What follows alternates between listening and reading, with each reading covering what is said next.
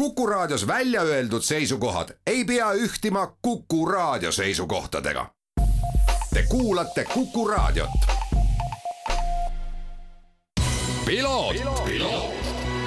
ralli uudistele tagavad kvaliteedi RM stuudio põrandad. tervist, head Kuku raadio kuulajad, eetris on saade Piloot ja stuudios saatejuht Margus Kiiver. tänases saates on mul hea meel pakkuda teile pikemat intervjuud kommunikatsioonispetsialisti spordisõbra ja laiemalt ka autospordisõbra Rasmus Kagega, kellega räägime teemal sportlase boikott meediale, mis täpsemalt sellest juba mõne hetke pärast. aga alustuseks räägime sellest, mis toimub, toimus möödunud nädalavahetusel ja kui nädal aega tagasi andis siin saates intervjuu Eesti Autospordiliidu äh, spordi divisjoni juht Kuldar Sikk ja rääkisime FIA mootorispordimängudest, siis täna saame need kokku võtta. Eesti sai mootorispordimängudelt ühe pronksmedali ning jagas kokkuvõttes üheteistkümnendat kohta Taani, Gruusia, Iirimaa ja Iisraeliga ning riikide arvestuses võitis Itaalia. Eestile tõid pronksmedali rallil kolmanda koha saavutanud Georg Linnamäe ning tema Britist kaardilugeja James Morgan. neljanda koha said eestlastest krosskartide juunioride klassis Armin Raag, driftis Kevin Pesur ja kaardivigursõiduvõistkond Marta-Liisa Meindorf ning Jürgen Laanso. esikümnesse mahtusid veel mitmed Eesti võidusõitjad, Martin Juga oli kuues krosskartide seeniorklassis, Karmen Kraav seitsmes kardispordi seeniorklassis ja Mark Dubnitski üheksas sama ala juuniorite võistlustel e-autospordis sai Just Parek poolfinaalis kaheteistkümnenda koha ning kahekümne osalejaga finaali kahjuks ei pääsenud. autode vigursõidus lõpetas Eesti tiim Anneli-Sette Aabna ja Kevin Lempu eelvõistluse kaheksateistkümnenda kohaga ning historiikautode rallil võistelnud Marko Mätik ja Arvo Masleniko katkestasid paraku plokigaani tihendi purunemise tõttu. nüüd aga siis põhiteema juurde, möödunud nädalavahetus tõi meile järjekordse vormel üks etapi, sedapuhku siis Mehhikos, kus ajaloolise võidu sai Red Bulli piloot Max Verstappen, kes juba tänavuse maailmameistritiitli endale kindlustanud on. ajaloolise sellepärast, et varem ei ole ükski sõitja ühe hooaja jooksul nii palju etappe võitnud, tervelt siis neliteist ja hooaeg ei ole veel läbi võib-olla mitte nii palju tähelepanu sai aga fakt, et äh, Red Bull ja täpsemalt öeldes äh, Max Verstappen otsustasid äh, kuulutada välja boikoti Briti kanalile Sky TV ning tegemist on siis vormel üks maailmas ühe suurema ülekandeõigustega ettevõttega ning lisaks siis Ühendkuningriikide televaatajatele pakuvad nad teenust veel ka Saksamaal ning Itaalias. Ja boikott põhines siis sellel, et Red Bulli meeskonna hinnangul on äh, Sky TV üsnagi erapoolikult äh, kajastanud äh, vormel üks maailma ja põhiline tüliõun olevat siis ikkagi selles, et üks Sky TV reporteritest ei ole saanud kuidagi üle sellest, et möödunud aasta Lewis Hamilton maailmameistritiitlist ilma jäi ja Max Verstappen selle võitis ning seda aeg-ajalt ikkagi nii-öelda nina alla hõõrutakse. ja selle tulemusel siis kuulutati välja tõepoolest boikott, ükski meeskonna liige, sõitjad sinna kaasa arvatud loomulikult Sky TV-le intervjuusid ei andnud ja tegemist oli sellise ühekordse projektiga, väidetavalt järgmisel etapil Brasiilias peaks kõik juba olema kord ja kohus korras. ja sellel teemal uurisin äh, arvamust äh, kommunikatsioonispetsialisti, spordi ja autospordisõbra Rasmus Kage käest, kes igapäevaselt äh, teenib leiba kommunikatsioonibüroos Agenda PR. no alustama peab sellest, et vaata sport on kuidagi nagu eraldi kategooria, kui me räägime spordiajakirjandusest. mina olen kirglik spordi jälgija, ma ei ole ajakirjanik ja eks ma olen ka näinud ja oma peast läbi lasknud nüüd, kui sa mulle selle ettepaneku tegid, väga mitmeid olukordi, kus ma ei tea, on see Jürgen Klopp või mõni, mõni jalgpallur, mõni äh, korvpallur on keset pressikonverentsi püsti tõusnud, ära jalutanud või olnud väga sarkastiline ja nii edasi. aga boikotti mulle sellisel kujul küll meelde ei tule aga spordi puhul on see kuidagi nagu võib-olla isegi nagu mõistlik, sport ongi kirglik ja seal on hoopis teised tunded ja need tunded keevad teinekord üle ja see võib-olla ongi iseenesestmõistetav, kui omavahel madistatakse, me teame ju ka Eesti rallispordis ei ole väga võõras olukord, kus üks Eesti esipilootidest ei ole kõige paremates suhetes Eesti tippspordiajakirjanikega ja nii edasi, nii edasi. aga kui me nüüd toome selle taseme spordist üldisele põhimõttele, siis ma üldiselt arvan, et blokaadi või sellise blokeerimise asemel oleks targem ikkagi seda võimalust rohkem ja paremini enda kasuks ära kasutada. mida ma silmas pean, on ju see, et, et tegelikult äh, targem oleks olla suuremeelne ja mõelda selle peale, et sõltumata sellest, mida see ajakirjanik su käest küsib, sa tegelikult kõneled kellega oma fännidega, äh, jüngritega, kes sind järgivad, jüngritega, kes tahavad ka saada NBA parimaks mängijaks, Premier League'i parimaks väravakütiks, kelleks iganes. ehk et sellest lähtuvalt ma arvan, kui ma olen arrogantne ja annan välja signaale, mis ei ole seotud fair play'ga või, või sellise sooja südamliku kangelase kuvandiga need pigem tulevad sul kahjuks. ehk et mulle meeldivad sellised intervjuud, kus ärapanemine toimub targalt, laheda huumoriga äh,, küsijat surnuks kallistades, nii et küsija jääb lolli olukorda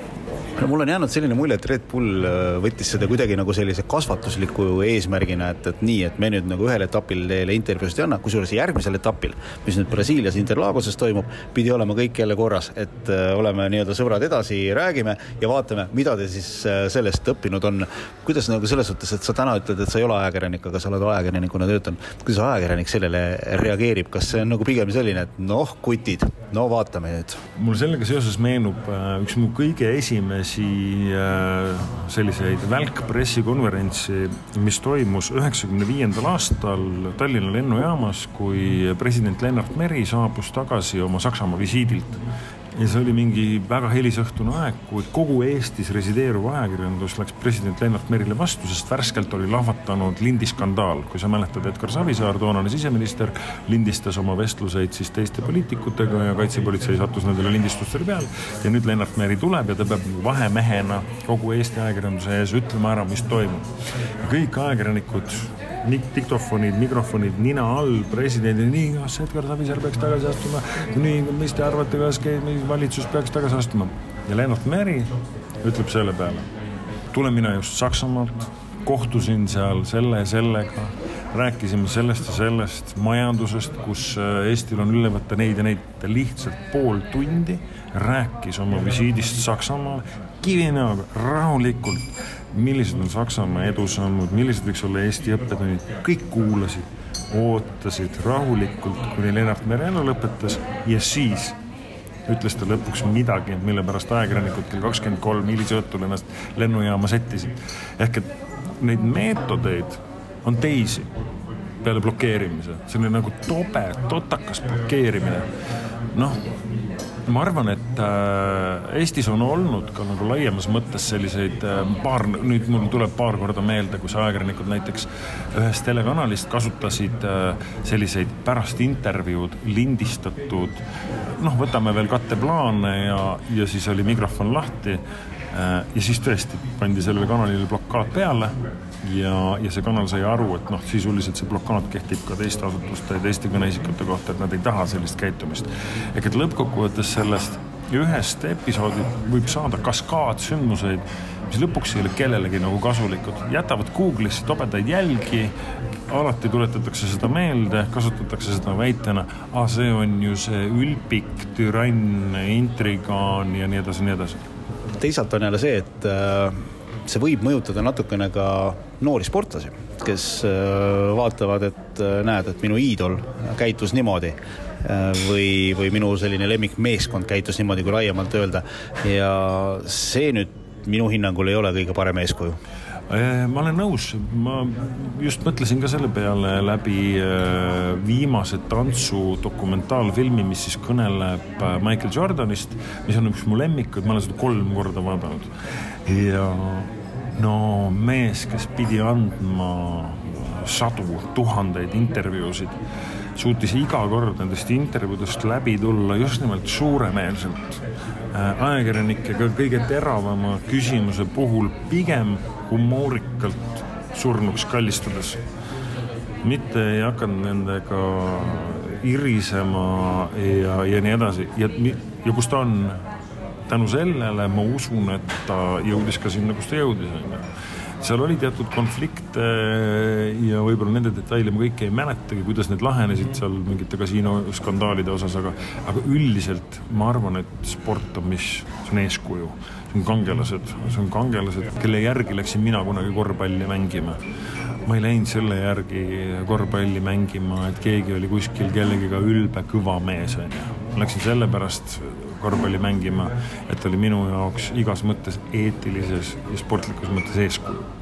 no kui me räägime tehnikaspordist, siis tehnikaspordis on nagu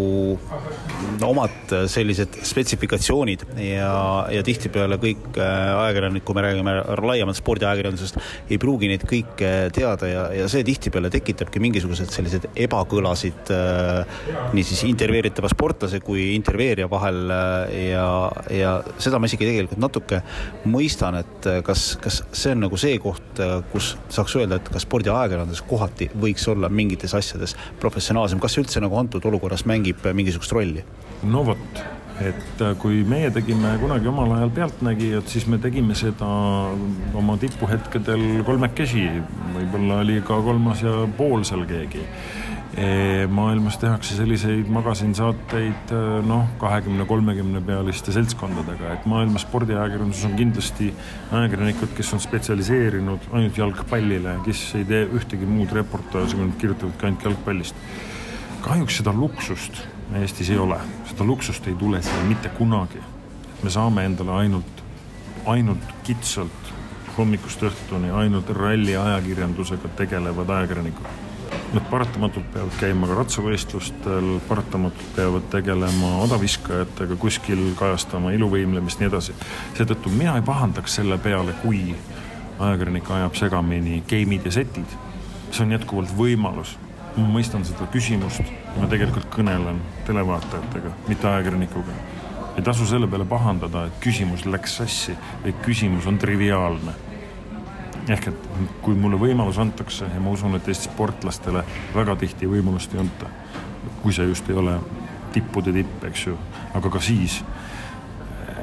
oleks tark kasutada seda selleks, et rääkida iseenda pingutusest, tunnustada partnereid äh,, uusi treeningmeetodeid äh,, pikki plaane, innustada noori, kelle eeskujuks sa võiksid olla lõpetuseks, äh, mis sa arvad, mida antud situatsioon või antud olukord äh, võis teha Max Verstappeni mainega, kas üldse midagi muutus, oli see selline väikene liblika tiivalöök tema jaoks ja lihtsalt elu läheb edasi? no vot, aga siin on nagu see koht, kus ma pean tunnistama, et ma olen amatöör, et ma ei ole enam hästi suur vormelifänn, aga ma mäletan kunagi ju paralleele tuues äh, ma ei tea, Ayrton Sennaga, siis Ayrton Sennal oli ka ikkagi nagu võib-olla mitte tahtlik aga siis mingis mõttes selline soov ollagi paha poiss. Ja see soov olla paha poiss, selline kuvand eh, on ka see, mis innustab võib-olla mingisuguseid noori, et ma olen rebel, ma olen selline revolutsiooniline, ma, ma olen mässa ja ma ei taha olla selline eh, viisakas nagu Roger Federer, selline eetiline aus džentelmen onju